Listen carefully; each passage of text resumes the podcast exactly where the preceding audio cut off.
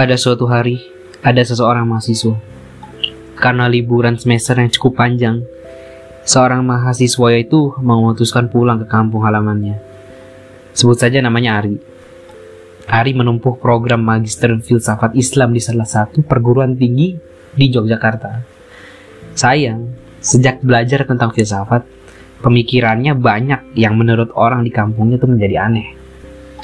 Tetapi dalam bahasa dia, ia sedang mengalami evolusi pemikiran dalam spiritualisme. Suatu pagi, ia memutuskan untuk nongkrong-nongkrong bareng temannya di warung kopi dekat rumahnya. Di tengah obrolan ringan, akhirnya ia tak tahan untuk mengungkapkan sikap skeptisnya kepada Tuhan. Dia berkata, Dulu saya sangat percaya adanya Tuhan. Anda tahu sendiri, sejak kecil saya sangat taat menjalankan perintah agama. Sholat jamaah tak pernah telat, ngaji di masjid tak pernah absen. Bahkan pada akhirnya, saya pun melanjutkan pendidikan di pesantren. Tapi kini sejak saya mendalami ilmu filsafat, saya belajar banyak, saya belajar banyak hal. Hingga saya tiba pada satu kesimpulan bahwa kita tak butuh Tuhan untuk menjelaskan kehidupan di alam semesta ini. Karena ternyata beragam teori dan bidang keilmuan bisa menjelaskan berbagai kejadian di semesta ini dengan logis, bahkan menghilangkan peran Tuhan di dalamnya. Begitu kata Ari. Mendengar Ari yang ngelantur tentang Tuhan, telinga temennya, yaitu Bang Selamat, nggak nyaman. Ia lantas bilang, Ari, aku ini nggak, aku ini sejak kecil cuma di kampung, pendidikan juga nggak setinggi kamu.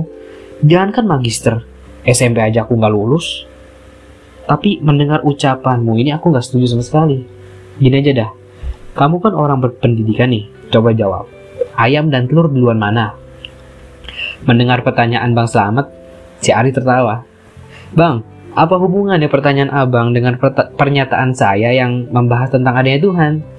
Bang Slamet lantas mengulang pertanyaannya. Sudahlah, jawab saja dulu. Duluan mana telur sama ayam? Ari pun asal jawab dia. Duluan telur bang, karena ayam kan asalnya dari telur. Dan untuk menetas, telur tak butuh dirami oleh induk ayam ia bisa menetas asal suhunya kondusif untuk dia menetas. Bang Selamat lantas bertanya lagi, kalau duluan telur, lantas dari mana telur itu berasal?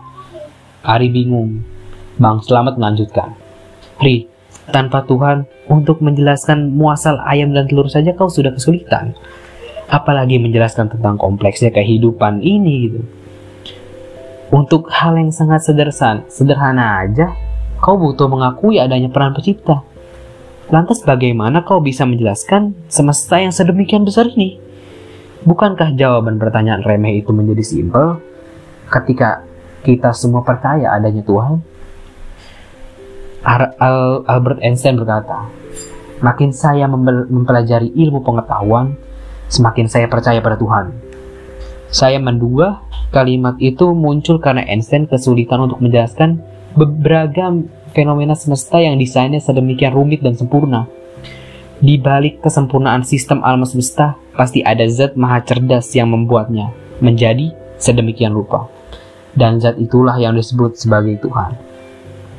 Lain halnya dengan Stephen Hawking, ilmuwan yang beberapa waktu lalu baru saja menghembuskan nafas terakhirnya. Ia menyatakan dirinya sebagai ateis. Bahkan dalam sebuah wawancara dengan salah satu koran Spanyol yaitu El Mundo, dengan tegas ia mengungkapkan bahwa sains menawarkan penjelasan yang lebih masuk akal tentang asal-usul alam semesta daripada agama. Kata Hawking, sebelum kita mengenal sains, natural untuk percaya bahwa Tuhan mengenal alam semesta. Tapi sekarang, sains menawarkan penjelasan yang lebih meyakinkan. Penolakan Hawking tentang Tuhan sebenarnya menjelaskan kepada kita tentang ketidakmampuan untuk mengawinkan gagasan sains dengan agama. Bahkan sejak lama konflik antara ilmu pengetahuan dan agama sebenarnya sudah dialami oleh ilmuwan-ilmuwan sejauh sebelum Hawking. Banyak yang membenturkan antara sains dan kepercayaan kepada Tuhan. Sebut saja kasus Galileo yang berkonflik dengan pihak gereja. Islam sangat mendorong umatnya untuk terus belajar tentang alam. Islam sangat menganjurkan umatnya untuk menjadi pribadi yang berpikir tentang semesta Karena muslim memiliki pandangan bahwa Tuhan menciptakan alam semesta ini untuk kemanfaatan manusia. Dengan redaksi yang lain, sebenarnya Al-Quran sudah memberi isyarat bahwa Allah memang menundukkan alam raya ini di hadapan manusia. Sebab manusia adalah khalifah. Maka untuk memenuhi tugas kekhalifahannya dengan efektif, hendaknya manusia bersedia belajar tentang alam agar bisa mengelolanya dengan baik gitu. Dalam Al-Quran dikenal istilah namanya ulul albab, yakni manusia yang mengingat Allah dalam setiap keadaan, serta mau berpikir tentang beragam ayat-ayat Allah yang ada di alam semesta. Karena sejatinya, ayat Allah tak hanya bertebaran di kitab suci, tapi kita mengenal ada ayat yang ada di sekeliling kita. Contohnya ayat ada ayat kauniyah, ada ayat kauliah. Ayat kauliah itu ayat-ayat yang difirmankan oleh Allah di dalam kitab suci Al-Quran. Sedangkan kalau ayat kauniyah itu, itu ayat yang atau tanda yang ada di sekitar kita lah gitu. Karena apa pun makhluk Allah yang ada di sekeliling manusia, sesungguhnya bisa menjadi pelajaran yang berharga yang membuat manusia lebih yakin kepada Tuhan. Dalam suatu surat yaitu Quran surat Ali Imran ayat 190 sampai 191 dijelaskan. Yang terjemahannya seperti ini. Sesungguhnya dalam penciptaan langit dan bumi dan silih bergantinya malam dan siang terdapat tanda-tanda bagi ulul albab yaitu orang-orang yang mengingat Allah sambil berdiri atau duduk atau dalam keadaan berbaring dan mereka memikirkan tentang penciptaan langit dan bumi seraya berkata, Ya Tuhan kami, tiadalah engkau menciptakan ini dengan sia-sia, Maha suci engkau, maka peliharalah kami dari siksa neraka. Quran Surat Ali Imran ayat 190 sampai 191. Bukankah dari ayat ini saja sudah bisa menegaskan bahwa Islam tak merasa takut umatnya untuk mempelajari sains? Bahkan kadarnya bukan hanya memperbolehkan lagi untuk mempelajari sains, tetapi sudah dalam tataran menganjurkan. Karunia akal hendaknya dimanfaatkan untuk berpikir termasuk untuk berpikir tentang sains. Harapannya, dengan memahami sains, kita lebih mampu mengenal Allah. Kita makin mengagumi Allah yang Maha Kuasa atas segala sesuatu. Ujung-ujungnya pun kita akan lebih takut kepada Allah. Dalam Quran surat Al dalam Quran surat Fatir ayat 28 yang terjemahannya seperti ini. Dan demikian pula di antara manusia binatang-binatang melata, dan binatang-binatang ternak yang bermacam-macam warnanya dan jenisnya. Sesungguhnya yang takut kepada Allah di antara hamba-hambanya hanyalah ulama. Sesungguhnya Allah maha perkasa lagi maha pengampun.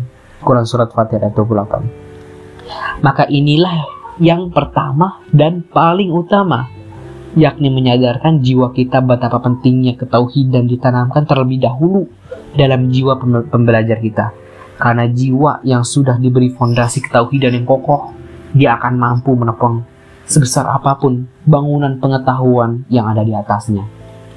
Jadi statement yang perlu dicatat, Islam sangat mendorong umatnya untuk terus belajar tentang alam. Islam sangat mengajurkan umatnya menjadi pribadi yang berpikir tentang semesta. Karena Muslim memiliki pandangan bahwa Tuhan menciptakan alam semesta ini untuk kemanfaatan manusia Harapannya, dengan memahami sains, kita lebih mampu mengenal Allah. Kita makin mengagumi Allah yang maha kuasa atas segala sesuatu. Ujung-ujungnya, ya kita pun bakal lebih takut sama Allah.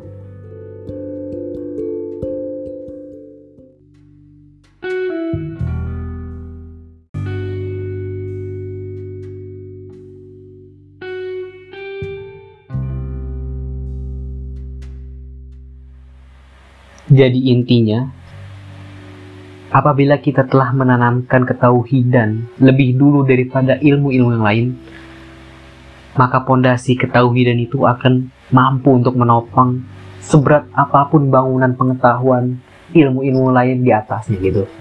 Jadi ini yang perlu kita terapkan apabila nanti kita mempunyai anak atau keturunan gitu. Kita lebih kita wajib untuk mengenalkannya Allah terlebih dahulu dibanding ilmu-ilmu lainnya gitu. Tapi bagi apabila kita telah mengetahui. Tapi bagaimana cara kita menerapkannya? Kalau kita tidak ada motivasi sama sekali. Bagi banyak orang tua, anak adalah amanah Allah yang harus diperjuangkan pendidiki, pendidikannya setinggi mungkin. Berbagai lembaga pendidikan formal maupun informal diseleksi sedemikian rupa. Kemudian dipilih mana yang paling memberikan kontribusi besar bagi perkembangan putra atau putrinya. Perkembangan intelektualitasnya, perkembangan emosinya, perkembangan sikapnya, prestasinya, fisiknya, dan sebagainya. Wajar, karena semua itu adalah wujud dari cinta. Ya, cinta orang tua kepada buah hatinya yang diharapkan mampu menjadi yang terbaik dalam segala hal. Menjadi anak-anak yang meneruskan cita-cita tinggi orang tuanya. Tentu tak ada yang berharap putra-putrinya kelak menjadi orang yang prestasinya biasa-biasa aja. Bahkan lemah. Dalam Quran Surat An-Nisa ayat 9, dijelaskan yang terjemahannya seperti ini. Dan hendaklah takut kepada Allah orang-orang yang seandainya meninggalkan di belakang mereka anak-anak yang lemah, yang mereka khawatir terhadap mereka. Oleh sebab itu, hendaklah mereka bertakwa kepada Allah dan hendaklah mereka mengucapkan perkataan yang benar. Quran Surat An-Nisa ayat 9 Sebuah ujaran langit yang berdengung di seantero jagat kemusliman telah mengungkap satu kata yang tak diharap itu itu lemah. Tentu saya yakin bagi orang tua normal tak ada yang tega melihat anak-anak mereka lemah. Maka berbagai usaha mereka tempuh untuk menguatkan buah hati mereka. Kuat jasadnya, kuat intelektualitasnya, kuat prestasinya maupun kuat ekonominya. Sekali lagi itu wajar. Karena semua itu adalah wujud dari cinta orang tua kepada anaknya. Tapi ada satu hal yang seharusnya menjadi perhatian lebih. Karena saya merasa banyak orang tua yang lupa bahwa pertanda cinta itu sering kali tak genap, pincang, bahkan cenderung zolim disadari atau tidak ketika putra putri tak diberi kesempatan lebih di usia belianya untuk menerima dan menikmati haknya membangun fondasi terpenting dalam hidupnya, ya itu fondasi untuk membangun rencana rumah masa depan dalam jiwanya yang seharusnya menjadi hak semua anak-anak muslim dan menjadi kewajiban bagi orang tua untuk memenuhinya. Ah, saya sangat yakin semua tahu ini, semua tahu orang orang tua semua tahu kalau ini terpenting, tapi malah sering kali diabaikan. Fondasi inilah yang seharusnya diberikan pertama. Karena memang ia yang paling utama, yaitu adalah iman. Dalam Quran Surat Al-A'raf ayat 172 dijelaskan yang terjemahannya seperti ini. Dan ingatlah ketika Tuhanmu mengeluarkan keturunan anak-anak Adam dari sulbi mereka dan Allah mengambil kesaksian terhadap jiwa mereka seraya berfirman, Bukankah aku ini Tuhanmu? Mereka menjawab, Betul, engkau adalah Tuhan kami. Kami menjadi saksi kami lakukan yang demikian itu agar di hari kiamat nanti kamu tidak mengatakan sesungguhnya kami adalah orang-orang yang lengah terhadap ini keesaan Tuhan. Quran surat Al-A'raf ayat 172.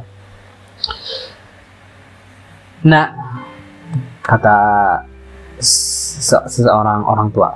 Nah, kalau kami ranking satu, eh maaf maaf maaf. Nah, kalau kamu ranking satu, ayah akan belikan kamu sepeda baru.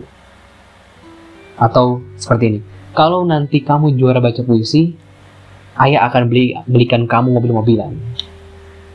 Ataupun seperti ini, kalau kamu masuk PTN favorit, ayah beliin mobil baru deh. Atau bisa juga seperti ini, kalau tahun ini kamu juara basket, bulan depan papa bikinkan lapangan basket di belakang rumah. Wih, Sering kan dengan motivasi dari orang tua yang seperti itu? Sungguh, saya amat menyayangkan saat menyaksikan banyaknya orang tua muslim yang dengan semangat menggebu-gebu mendorong putra-putrinya untuk berprestasi dalam berbagai bidang, namun melupakan dan meremehkan pengetahuan tentang Islam bagi anak-anaknya. Coba kita lihat betapa sebagian besar orang tua lebih bangga melihat anaknya memperoleh juara menyanyi dibanding menyaksikan anaknya lebih lancar untuk melafalkan bacaan Al-Quran. Mereka lebih kagum saat anaknya mendapatkan ranking satu di kelas daripada menyaksikan anaknya telah rajin sholat lima waktu. Tidak salah memang jika berbangga menyaksikan putra-putri tercinta meraih prestasi juara menyanyi, juara baca puisi, juara kelas, masuk PTN, dan lain-lain. Bahkan memang putra-putri Islam harus begitu, harus berprestasi di segala bidang. Karena dapat membantu syiar Islam nantinya. Tetapi prestasi yang menyangkut keimanan justru sangat dibutuhkan untuk usia anak-anak seperti usia seperti itu. Putra-putri Islam butuh fondasi hidup yang kuat untuk membangun batu bata aktivitas yang akan disusunnya sepanjang perjalanan usianya nanti. Tentu dengan harapan yang ter tak terlalu muluk.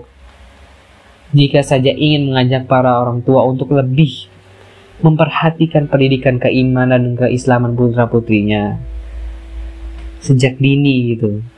Karena kebanyakan orang tua lah yang berperan banyak menjadikan putra-putrinya nanti berjalan sesuai hidayah Allah atau mungkin justru bakal terposok dalam jurang kekafiran gitu.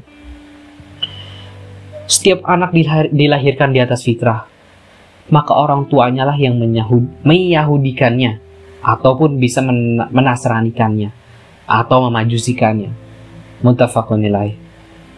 Mudah-mudahan kisah memberi berjuta hikmah karena sungguh Al-Quran memang teladan yang tak ada tanding Sesungguhnya pada kisah-kisah mereka itu terdapat pengajaran bagi orang-orang yang mempunyai akal. Al-Quran itu bukanlah cerita yang dibuat-buat, akan tetapi membenarkan kitab-kitab yang sebelumnya dan menjelaskan segala sesuatu sebagai petunjuk dan rahmat bagi kaum yang beriman. Quran Surat Yusuf ayat 11 111 Lukman memberi kita ambil contoh dari kisah Lukman. Lukman memberi ibroh yang juga menyejarah sebuah pelajaran dini yang membentengi putranya dengan satu kalimat gamblang. Nah, janganlah kau mempersekutukan, Allah. Pelajaran pertama yang diberikan kepada anaknya itu telah dibadikan, diibadi, abadikan oleh Allah di dalam Al-Quran. Dalam Quran surat Luqman ayat 13. Dan ingatlah ketika Luqman berkata kepada anaknya di waktu ia memberi pelajaran kepadanya, Hai anakku, janganlah kamu mempersekutukan Allah. Sesungguhnya mempersekutukan, mempersekutukan Allah adalah benar-benar kezaliman yang besar. Quran Surat Luqman ayat 13 Mudah-mudahan ke depannya akan ada ayah-ayah model Luqman di sekitar kita. Dengan tumbuhnya semangat keislaman yang mulai menjamur karena gencarnya aktivitas dakwah, insya Allah akan ada ayah-ayah teladan yang menempatkan pelajaran tauhid dan keimanan putra-putrinya di atas segala kebutuhan lainnya. Kita contoh dari ya, kisah Yakub. Seperti Yakub dalam dalam ketika sekarat, ia bukan menanyakan mata kulu namin dan bi atau ketika papa meninggal, kamu makan apa nak? Bukan, bukan itu yang ia katakan. Inilah teladan kalimat yang menyejarah itu. Yang justru yang ia katakan adalah ma ta'buduna min bi ya atau antara lain apa yang kamu sembah sepeninggalku?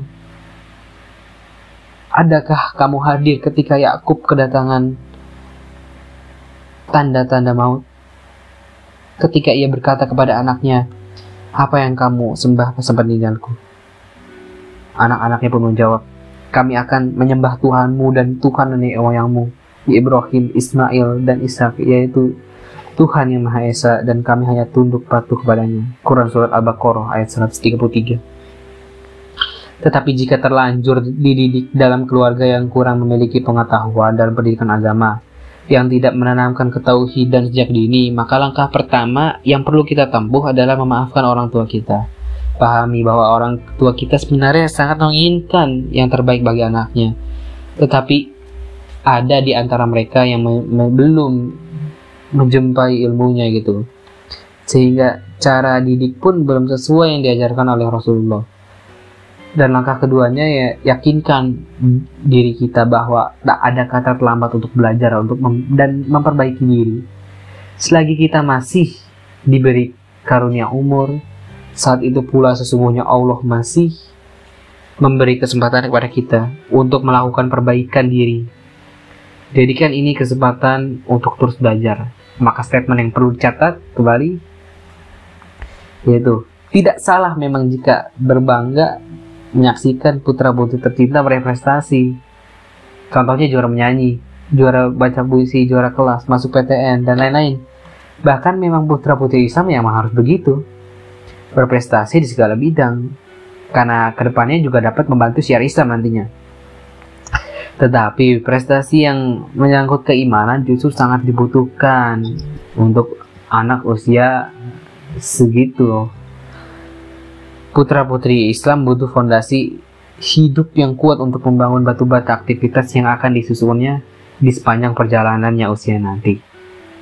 Jadi intinya, tanamkan terlebih dahulu ketauhidan apabila nanti kita telah punya anak, telah punya keturunan.